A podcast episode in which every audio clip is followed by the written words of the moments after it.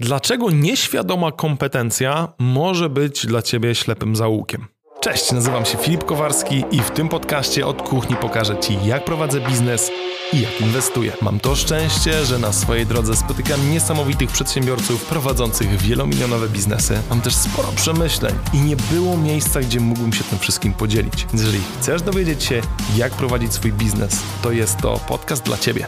Mamy cztery etapy. Na początku nie wiemy, że czegoś nie wiemy, jesteśmy nieświadomi niekompetencji. Nagle budzimy się pewnego dnia i stwierdzamy, że potrzebujemy jakąś tam wiedzę, więc jesteśmy świadomie niekompetentni, bo wiemy już o tym, jesteśmy świadomi, że czegoś tam nie wiemy. Zaczynamy się edukować, wdrażać, testować, jesteśmy świadomie kompetentni.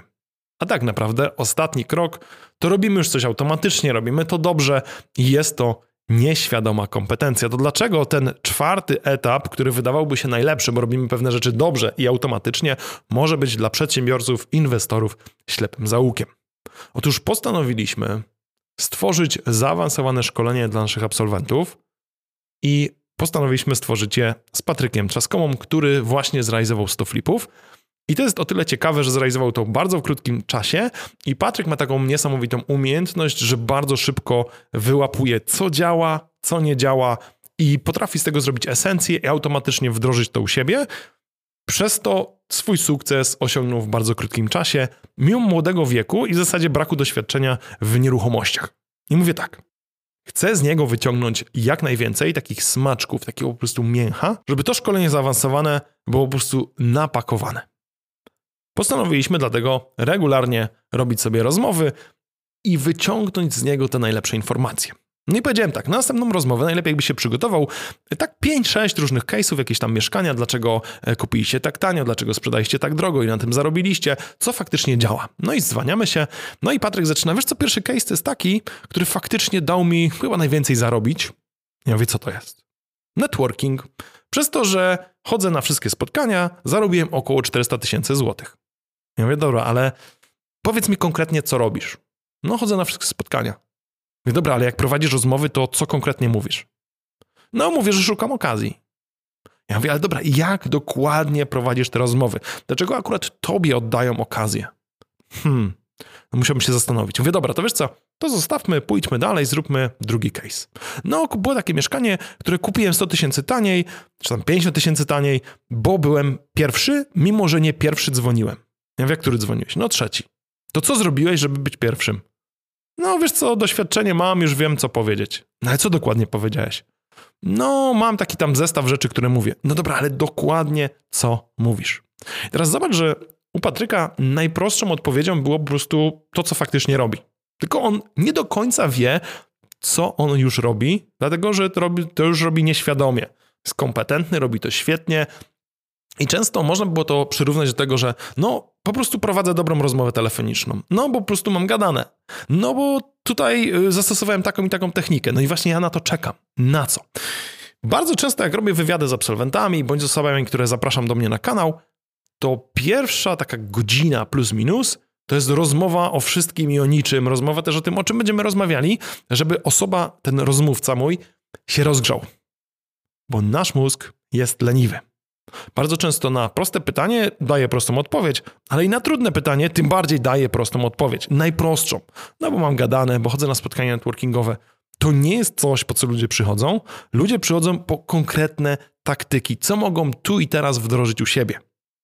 I to moją rolą, jako osoby, która robi wywiad czy prowadzi rozmowę, będzie docieranie do tych faktycznie konkretnych informacji, konkretnych taktyk, które są, są stosowane przez moich rozmówców. Więc mówię tak, Patryk, przejdźmy do konkretów. Jaki sposób daje ci najwięcej okazji? No taki. No to rozłóżmy ten sposób na części pierwsze.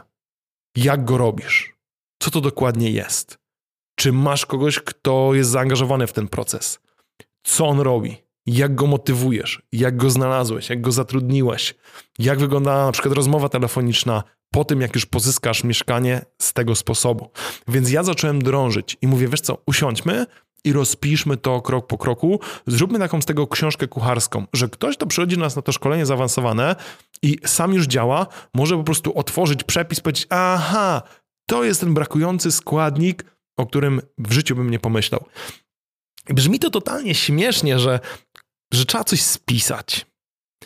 I ja teraz, jak opowiadam o tym, o tej książce kucharskiej, to oczywiście zacząłem myśleć o jedzeniu, bo o czym innym miałbym myśleć. I przypomniało mi się, jak wróciliśmy z Hawajów e, z moją żoną i ulubione nasze danie z Hawajów to było poke. Jest to surowy tuńczyk z jakimiś tam dodatkami. I był jeden, jedno miejsce, gdzie po prostu idealnie, ten, no idealne to poke było.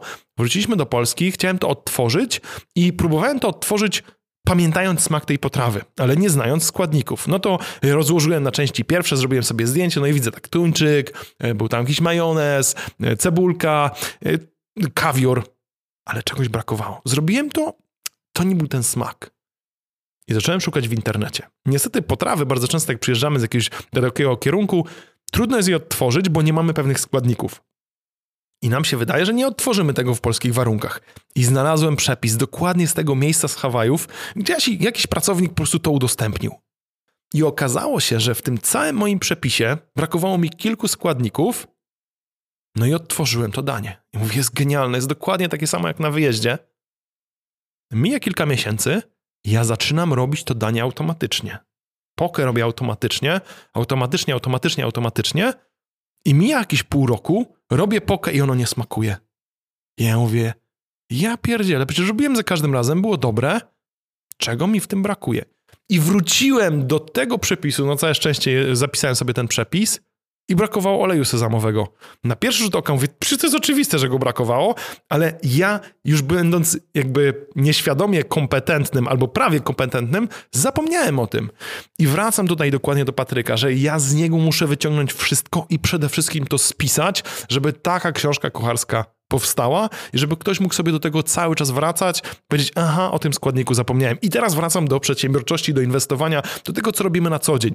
Zauważyłem, że bardzo często jednoosobowe działalności, bądź firmy, które pracują w kilka osób i nie mają spisanych takich rzeczy. Nie mają tej książki kucharskiej, e, marketingu, sprzedaży, operacji, obsługi klienta. To są firmy, które błądzą i nie są w stanie pewnych rzeczy delegować, bo nie do końca wiedzą co, jak i gdzie, bo mają samych pracowników bądź wspólników, którzy są nieświadomie kompetentni.